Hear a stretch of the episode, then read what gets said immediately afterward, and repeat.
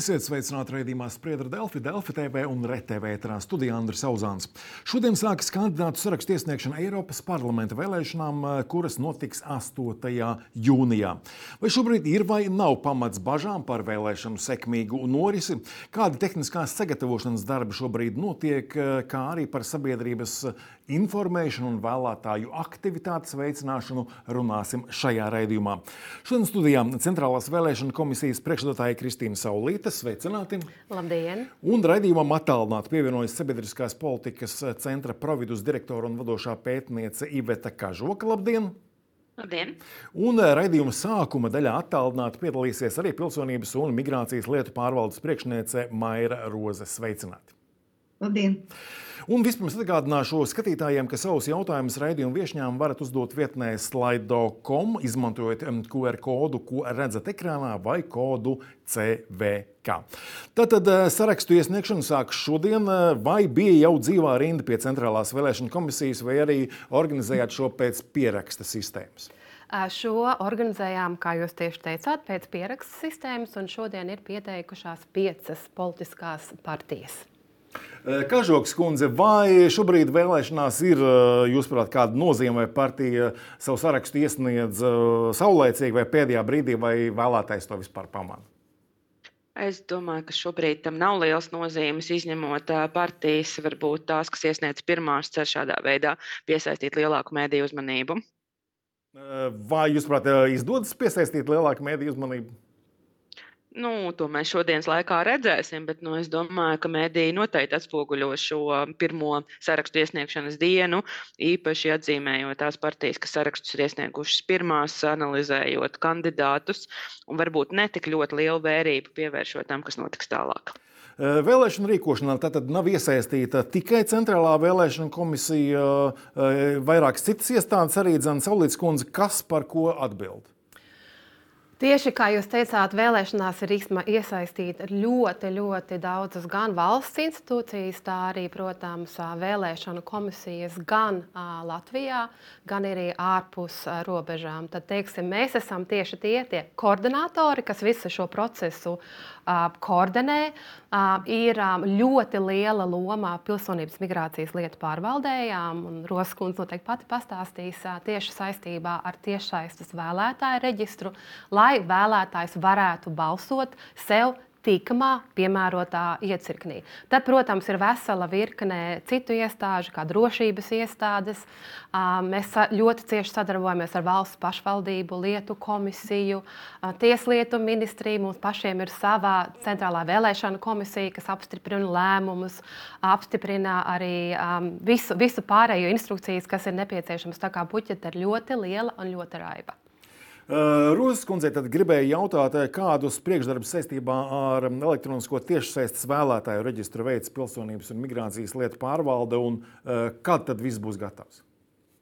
Uh, jā, nu tātad šeit ir uh, veikti gan iepirkumi, lai uh, pielāgotu vēlētāju reģistru un arī elektronisko tiešsaistes vēlētāju reģistru šīm vēlēšanām un programmatūras izmaiņas realizācija jau ir veikta. Un, Tā kā mēs ejam pēc grafika, un kā arī tika teikts, ka februāra vidū jau sāksies jau visas gan veikspējas, gan drošības testēšanas, un tā kā tiešām mēs, mēs, mēs esam procesā, un viss, viss tiek organizēts un, un tiek darīts. Kas tieši bija jāizdara, lai šo sistēmu pielāgotu? Kas tīri tehniski tur nepieciešams bija? Tehniski. Jā, nu, jā. Es domāju, ka nu, tā tad es šo jums laikam tomēr kā neprogrammētājs nevarēšu izstāstīt. Mums ir iepirkums un ir speciālisti, kas ar to nodarbojas. Un, jā. Bet kopumā kas rada pārliecību, ka ar tiešsaistes vēlētāju reģistru viss būs kārtībā? Tas, ka jau šo sistēmu liek uz uh, nodev, nodevums ir, ir piestādīts un tiek televīzijas centra par liek jau šobrīd vidē, kurā viņš darbosies. Un nākošajā nedēļā jau mēs domājam, ka mums būs demonstrācija, kas tiks jau ierakstīta un pārbaudīta, kā tas izdarbojas. Vai šai sistēmā ir padomāts par nu, visām iespējamajām un varbūt arī neiespējamajām, paredzamajām un neparedzamajām situācijām, kas vēlēšanu veiksmīgu norisi varētu uh, ietekmēt? Tādēļ ir visas šīs te testēšanas, kas ir gan veiktspējas, gan drošības, it sevišķi drošības testēšana, kas ir atkal uh, atsevišķi kompānijas, kas to darīs, lai tiešām būtu droši, ka šīs sistēmas darbotos. Un šobrīd, nu šobrīd mums nav neviena tāda situācija redzama, kas, kas varētu ietekmēt Tā kā mēs tiešām um, mēģinām atrast visus riskus, kas varētu būt, un ar tiem strādājam, lai uh, vēlēšanām nebūtu nekādas sašķiršanās. Uh, no, ieskaitot kiberuzbrukumu risku. Uh, jā, tāpēc arī šeit ir, ir, ir iesaistītas drošības pārbaudes, ir arī CERT un, un viss pārējie, kas, kas darīs visu, lai nekādas šādas iespaidošanas nevarētu būt. Gribēju arī jautāt, no kā būtu jāprasa atbildība, ja nu tomēr vēlēšana dienā izrādīsies, ka elektroniskais tiešsaistes vēlētāju reģistrs pilnvērtīgi nedarbojas. Kāpēc jums liekas, ka kā varētu nedarboties? uh, nu, mēs e, nu, piemēram... gaidījām jaunos elektrovilcienus, kā piemēram var minēt, un tomēr izrādījās, ka ar tiem viss nav labi. Nu, un tādā dienā, piemēram, nav, nav Latvijā internets vai nav elektrība. Nu, tad es šobrīd nevaru pateikt, kā, kā, kā tas notiek. Kā, kā, kā, kas par to atbild. Bet nu, mēs uzskatām, ka mūsu, tas, kas ir atkarīgs no pārvaldes un tieši par šiem reģistriem, ka viss darbosies Reģistra pilnveidošanas darba izmaksās diezgan lielu naudas summu, 295,000 eiro. Tāpat paredzēts rezerves finansējums 98,000 eiro apmērā. Vai šobrīd izskatās, ka tas rezerves finansējums būs nepieciešams, vai reģistra pilnveidošanas procesā būs nepieciešams veikt kādus neparedzētus darbus?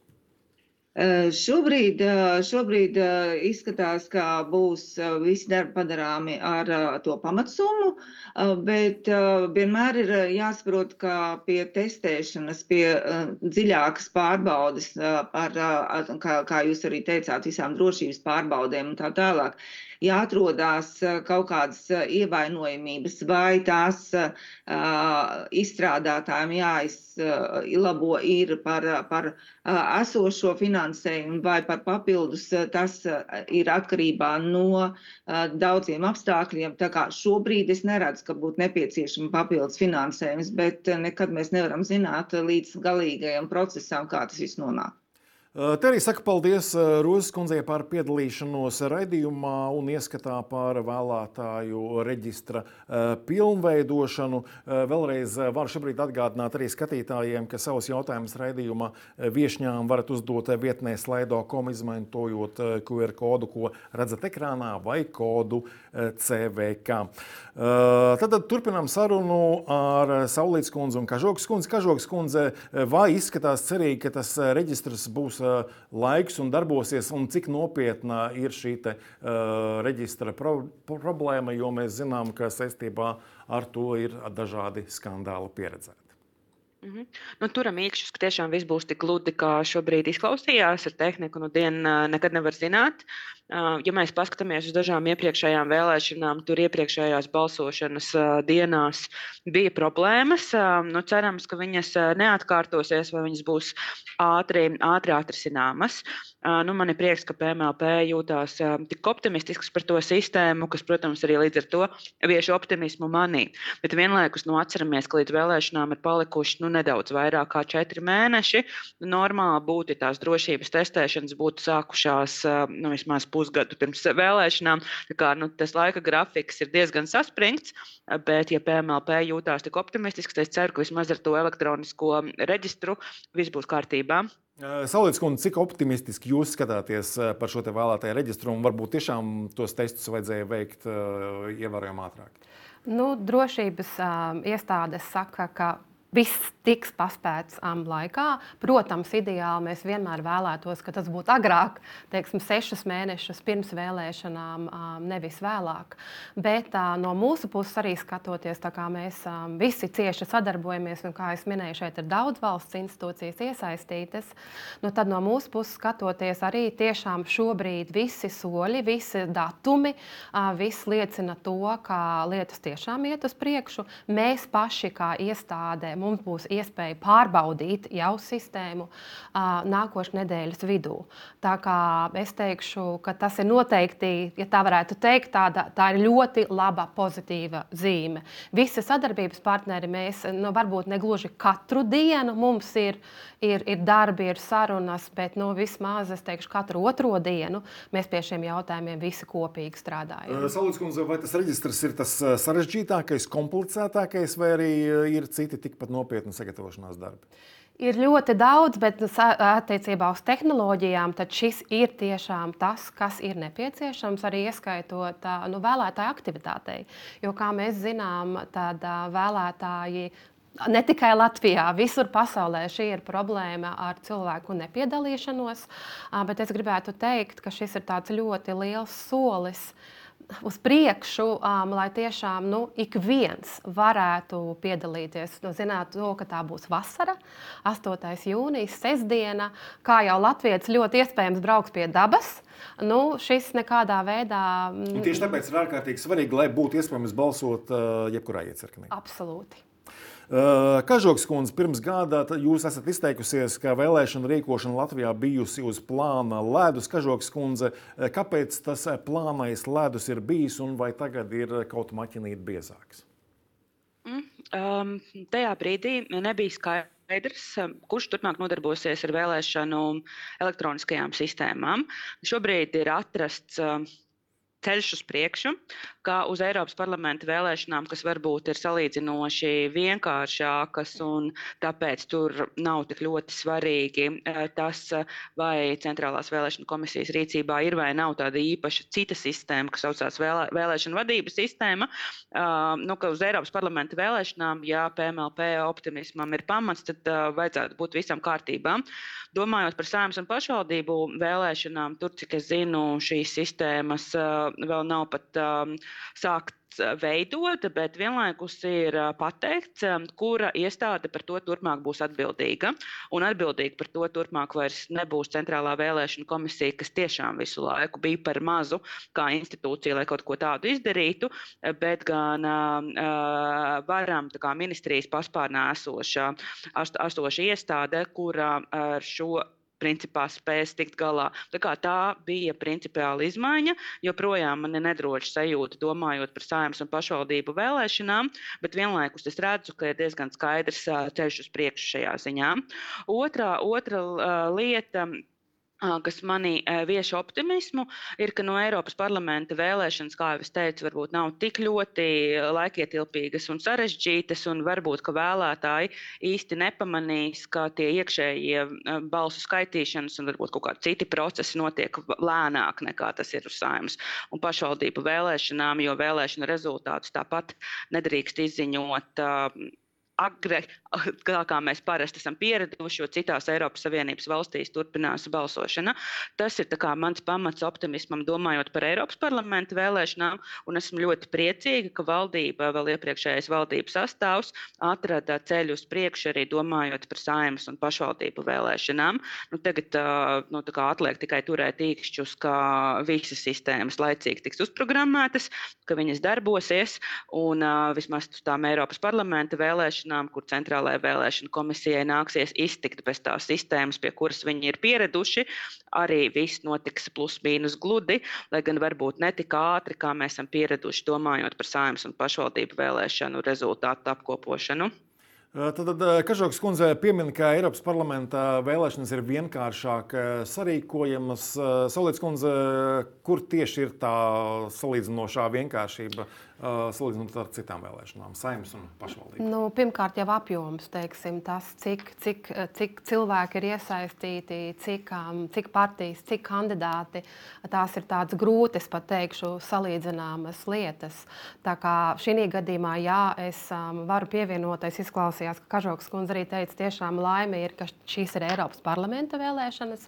Bet es tādā pašā laikā gribētu arī teikt to, ka neskatoties uz to, ka, protams, visi mēs šobrīd fokusējamies uz Eiropas parlamenta vēlēšanām, mēs strādājam, runājam, domājam jau par nākošajām un par aiznākošajām vēlēšanām. Proti, darbi jau notiek. Sistēma izstrāde pie, piekrītu.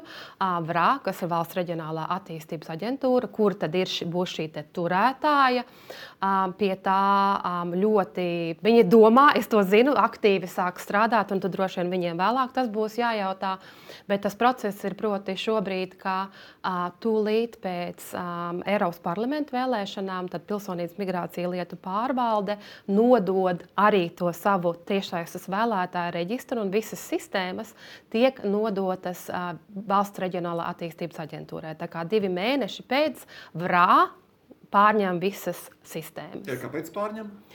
Lai šī IT ar vēlēšanām saistītās visas veida kustības, lai tās būtu vienā paspārnē. Protams, kā būs izpildītāji, būs dažādi, un līgumi būs dažādi, un tas neizslēdz, bet zināšanām kā tādām par um, referendumiem, par, par jebko par šādu veidu lietām būtu noteikti jābūt valsts pusē. Kažuks kundze, kāpēc šogad ievēlām deviņus, nevis astoņus eiro parlamentāriešus? Vai tas nozīmē, ka nu, Latvijai būs vairāk balsu? Nu, tiešām tas nozīmē, lai gan Eiropas parlamenta deputāti vismaz teorijā viņi netik daudz pārstāv valsti, cik visus Eiropas Savienības pilsoņus, bet nu, realitātē mēs, protams, rēķinamies ar to, ka no Latvijas ievēlētie deputāti lat, labāk zina arī Latvijas specifiku, un līdz ar to tas, ka to deputātu ir vairāk, ir arī labāk. Um, parlamenta vietu pārdale notika pēc tam, kad Lielbritānija izstājās no Eiropas Savienības. Un, nu, tur bija īpašas formulas, kā dažām valstīm tika pielikta klāt papildus, papildus mandāti, un Latvijas trāpījās starp tām dažām, dažām valstīm. Tas būtu tas īsais skaidrojums.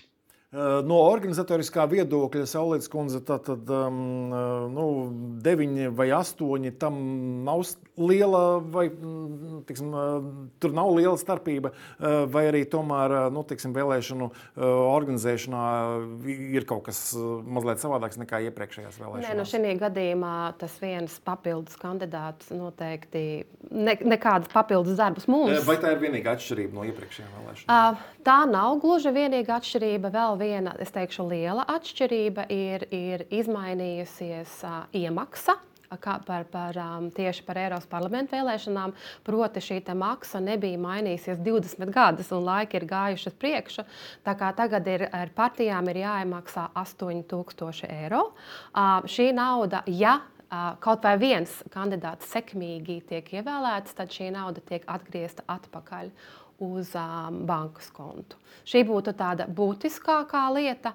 Vēl viena būtiska, varbūt tas neliekās, bet es tomēr vēlos to pieminēt, ir, ka 19. gadā, kad bija pēdējās Eiropas parlamenta vēlēšanas, tad tiešais vēlētāja reģistra nebija katrs um, iedzīvotājs, katrs uh, balstiesīgais bija saka, piesiets iecirknim. Uh, tur bija pasti, un citi aizgāja, citi neaizgāja. Bet šis būs pirmo reizi um, Eiropas parlamenta vēlēšanās, kā tādās, kādām iedzīvotāji varēs balsot sev tīkamā iecirknī. Tā, tā ir arī, nu, manuprāt, tāds liels pozitīvs solis. Uh, Un pieminot arī to, ka mēs nereti par sevi kā par valsti sūkstamies, bet šāda iespēja ir ļoti maza.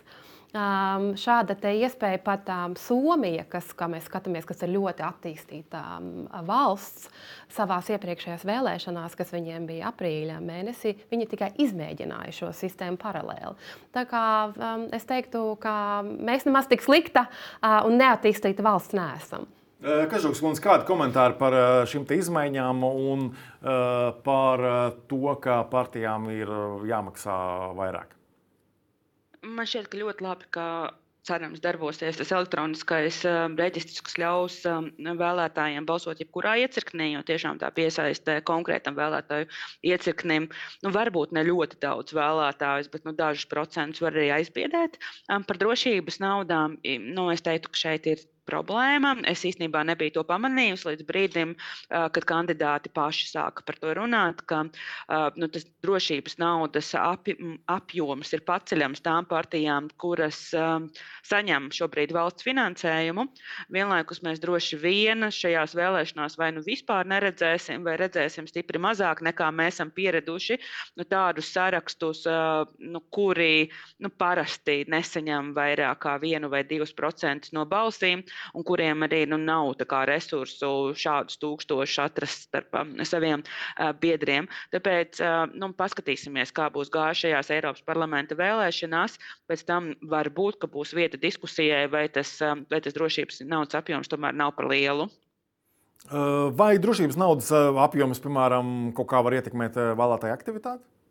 Nē, bet es domāju, partiju aktivitāti gan nu, teksim, šobrīd skatos uz, uz potenciālo partiju sarakstu, kas varētu startēt Eiropas par parlamenta vēlēšanās. Nu, desmit ir diezgan droši, vai būs 15, es šaubos. Um, uh, es nedomāju, ka tās mazās uh, partijas, uh, nu, kuras tāpatās nebūtu dabūjušas stipri daudz balsu no vēlētājiem, ko ļoti maina vēlētāju aktivitātē. Bet vienlaikus iespējas piedalīties vēlēšanās ir svarīgas no tādas politiskās vides dzīvīguma viedokļa, ka nu, nebūtu labi, ja turpmāk tādos nozīmīgos demokrātiskos procesos nav nauda būtu šķērslis kaut kādu jaunu politisku ideju dzimšanai vai kaut kādu svarīgu ideju apliecināšanai, lai arī ko mēs varbūt kā vēlētāji dažkārt par šīm mazajām partijām domātu. Tā kā jāpaskatās, ja tiešām pieteiksies šīm vēlēšanām tikai tie, kas saņem valsts finansējumu, tā būs slikta zīme. Šobrīd arī uz ekrāna varam paskatīties. Mums ir skatītāji jautājums, vai un kā diaspora var balsot Eiropas parlamenta vēlēšanās par Latvijas kandidātiem.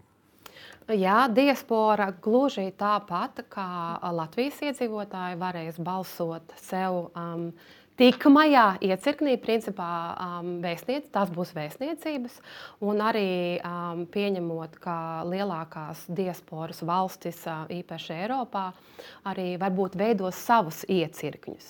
Uh, viena lieta, ir, kas, manuprāt, ir ļoti uzlabojusies kopš iepriekšējām vēlēšanām, proti, ir iespēja balsot pa pastu. Uh, iepriekšējās vēlēšanās arī varēja balsot pa pastu, un bija jau zināmi uh, atvieglinājumi. Tā kā nebija personu apliecinošs dokuments jāsūta, bet pieprasījums bija jāraksta, jāsūta uz um, tuvāko vēstniecību. Um, tad, um, kā mēs zinām, pasts nevienmēr tik ātri arī aiziet, īpaši vēl tādas Covid atskaņu laikā tas bija. Tad uzlabojums šobrīd ir tāds, ka nebūs vairs individām jāsūta pieprasījums uz vēstniecību. To varēs darīt um, Latvija.CLV portālā pats izdrukāt sevi un tad nosūtīt uz vienoto iecirkni, kas būs um, Latvijā.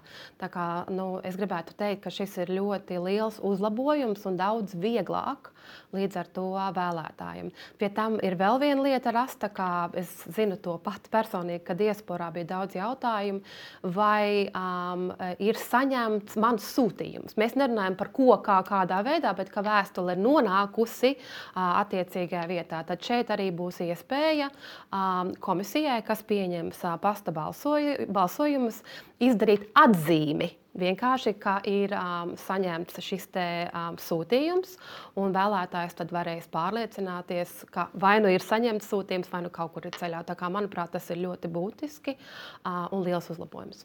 Uh, ja reiz runājam par uh, diasporu, Kažokas kundze, vai diasporai uh, saimnes vai Eiropas parlamenta vēlēšanas varētu šķist interesantākas? Un, protams, ka diasporai šķiet svarīgāk saimnes vēlēšanas, līdzīgi kā citiem vēlētājiem. Latvija, nu, kas dzīvo Latvijā vai ārpus Latvijas. Nu, bet Eiropas parlamenta vēlēšanas ir interesantas tādā ziņā, ka jā, tur nepiedalās tik daudz cilvēku, pilsoņu kā uz saimnes vēlēšanām. Tas nozīmē, ka katrai balsī um, kas maina kādu vēlētāju sarakstu, var būt lielāka ietekme. Um, dažkārt to, kurš no vairākiem kandidātiem tiks reāli ievēlēts Eiropas parlamentā, um, izšķir daži vēlētāji. Un, uh, es pieņemu, ka tiem diasporas vēlētājiem, kur Eiropas parlaments šķiet svarīga institūcija vai šķiet, kuriem šķiet svarīgi parādīt atbalstu kādai no Latvijas partijām, varētu būt interesanti balsot tieši Eiropas parlamenta vēlēšanās.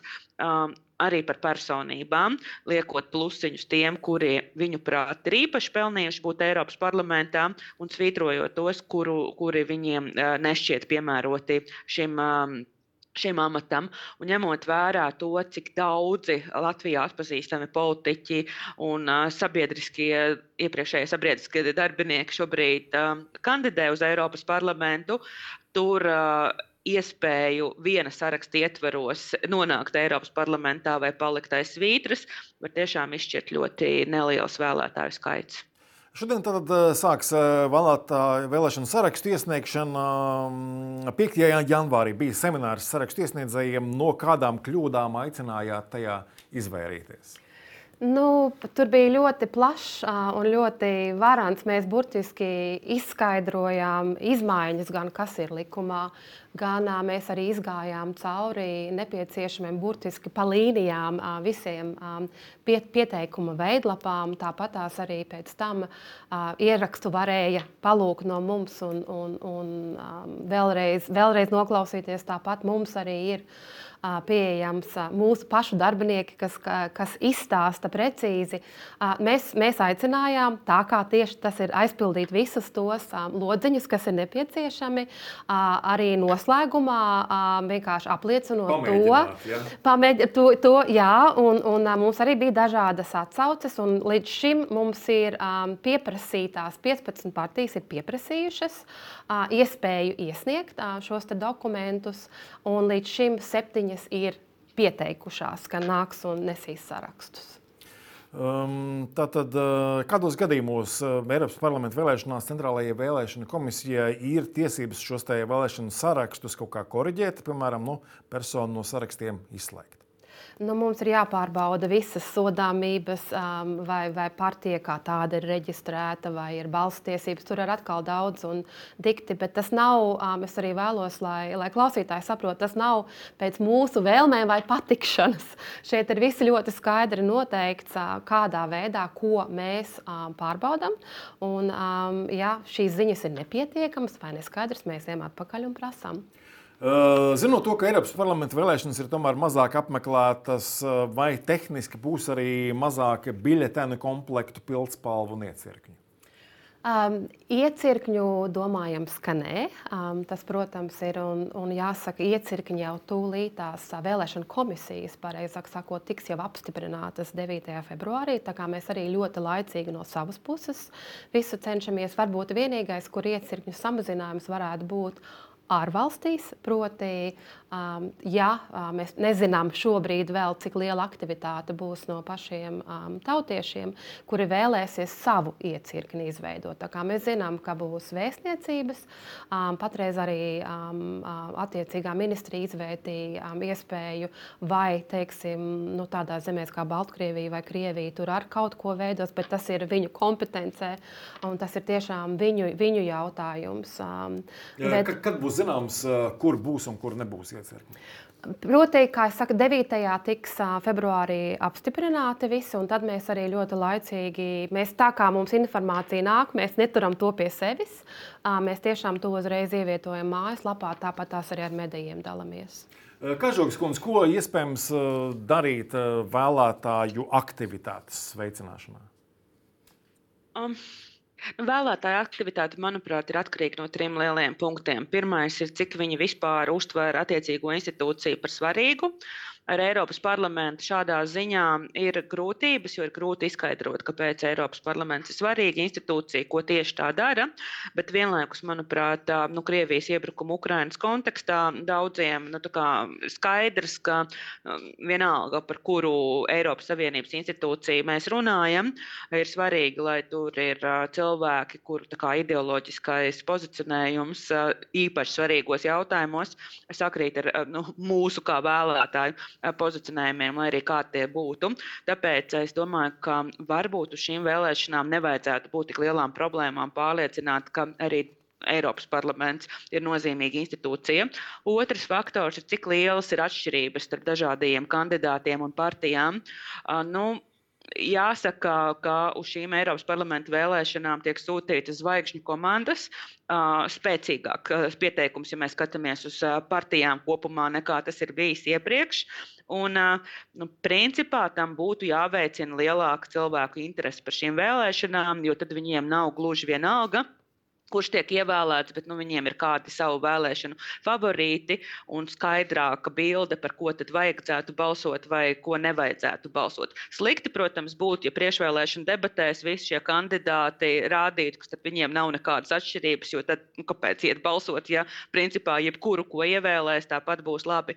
Un trešā lieta, kas aktivitātei tomēr ir svarīgi, ir, lai šīs tehniskās lietas ir uh, vienkāršas un uh, vēlētājiem nobalsot nav sarežģīti un tur es redzu, ka ir izdarīti diezgan lieli priekšdarbi tam, lai tas tā notiktu. Tā kā, nu, tās arī ir tās trīs lietas, un tagad nu, visa iespējas kandidātiem pierādīt vēlētājiem, ka ir svarīgi ne tikai balsot par viņiem kā kandidātiem, bet ka ir svarīgi arī vispār aiziet uz vēlēšanām. Redzēsim, kā būs. Es ceru, ka nebūs jauni antirekordi, jo tomēr iepriekšējās Eiropas parlamenta vēlēšanas bija labas ar to, ka tā aktivitāte nedaudz, bet tomēr pieauga. Kā informēsiet sabiedrību par vēlēšanām un to kārtību, vai šajā jomā ir kādi jauninājumi un šī vēlētāja aktivitātes veicināšana, cik jūs to varat ietekmēt, vai nevarat? Nu, noteikti mums, es uh, gribētu teikt, ka mums ir arī daudz vairāk jārunā, daudz vairāk jāstāstā. Um, gan tieši par kur ir iecirkņi, kādas stundas, kur ir atvērti iespējas, kā var balsot, proti, vai tas ir klātienē vai ārzemēs, tas ir par pastu. Um, tāpat no savas puses mēs arī komunikāciju gatavojam, un daudz lietas jau ir gatavas. Uh, tā saucamajā, um, man tas vārds gluži gan nepatīk, bet to sauc vieglajā valodā, es teikšu, saprotamajā valodā, kur ir ar, ar visiem zīmējumiem, kā ir izskaidrots, būs gan komunikācija mūsu mājaslapā, gan rakstītā veidā, gan video veidā. Tā kā mēs tiešām nopietni domājam par to, lai visiem vēlētājiem būtu saprotams, neatkarīgi no viņu, no viņu spējām. Es redzu, ka mūsu skatītāji ir ļoti nepacietīgi, un šeit jau mums raksta jautājumu. Pašlaik nekur nav iespējams apskatīties iesniegtos sarakstus un šo partiju programmas. Nu, tad, tad, no acīm redzot, vēl īsti droši vien tie saraksti nemaz nav iesniegti un apstiprināti. Kad, nu, tas ir tas interesanti, interesanti mēs varam pateikt, tas ir tam dēļ, ka tikai sarakstu iesniegšana tikai sākās šodien. Tā kā burtiski šodien desmitos no rīta. Bet un, kad tie pirmie saraksti varētu parādīties? Pēc, tas tā pirmā lieta, kas mums ir, mums ir, kad mēs saņemam um, sarakstus, tie ir jāapstiprina. Centrālajai vēlēšana komisijai ir jāpieņem lēmums. Um, mēs ļoti iespējams jau pirmo darīsim šovakar, un tad, kad mums nāk šī informācija, mēs jau pakāpeniski liksim mājaslapā.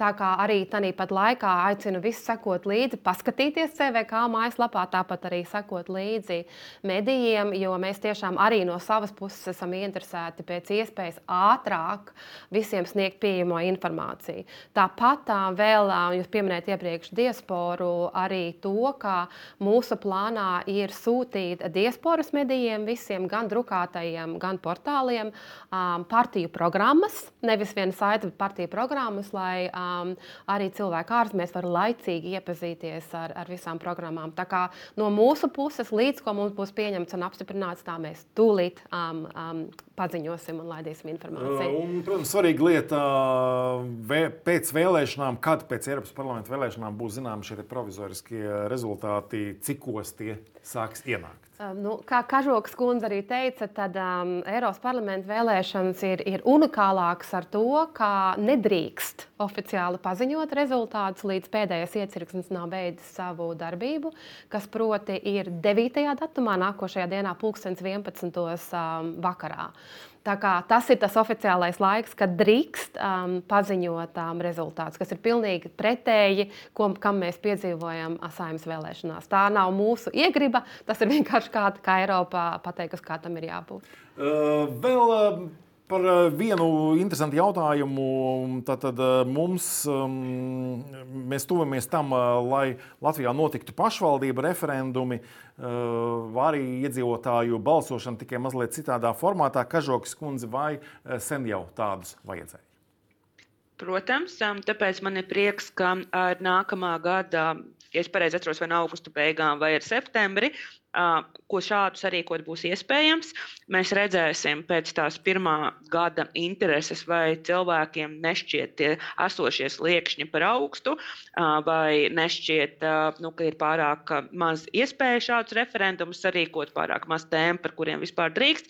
Un pēc tam es domāju, ka būs droši vien ka vajadzīgas kaut kādas korekcijas tajā, lai šis instruments, kas iedzīvotājiem patiešām laiku pa laikam ļoti var noderēt, Latvijā būtu reāli darboties spējīgs. Tāpēc man ir prieks, ka nākamā gada vidu principā šāda iespēja Latvijas iedzīvotājiem tiks piešķirta. Vai Centrālajai vēlēšana komisijai ir kāda saistība ar šiem pašvaldību referendumiem potenciālajiem? Jā, nu mēs esam iesaistīti vairāk vai mazāk visās kustībās, ieskaitot arī uh, referendumos. Un tiešām, kā Kažokas kundze minēja, tad uh, jā, šim rīkam būtu jābūt gatavam jau nākošajā gadā. Atkal um, tas būs valsts reģionālās attīstības aģentūras um, pārskatā, bet uh, es saprotu, ka tas, šis jautājums par referendumiem jau ir, ja nemaldos, desmit gadus, jo man liekas, šis tiek, tas tiek cilāts. Tā kā ir patiesi prieks, ka nu, mēs laikam esam nobrieduši līdz tam punktam, ka tas varēs sākties. Un tad tiešām redzēsim, kāda būs um, aktivitāte, kādi jautājumi tiks celti un arī iespējams piekureģēti, kā Kažoks kundze teica. Jā, bet, eh, nu, jebkurā gadījumā pirmās mums tuvākās ir Eiropas parlamenta vēlēšanas, un, protams, par tām eh, informēsim un gatavošanos tām informēsim arī mūsu citos raidījumos. Saku paldies raidījumu viesņām. Nākamais ir Spriedra Delfija raidījums ēterā rīt. Tas būs speciāls izlaidums, kurā mana kolēģa Alīna Lastovska izjautās satiksmes ministru Kasparu Briškanu. Šodien paldies, ka skatījāties uz tikšanos!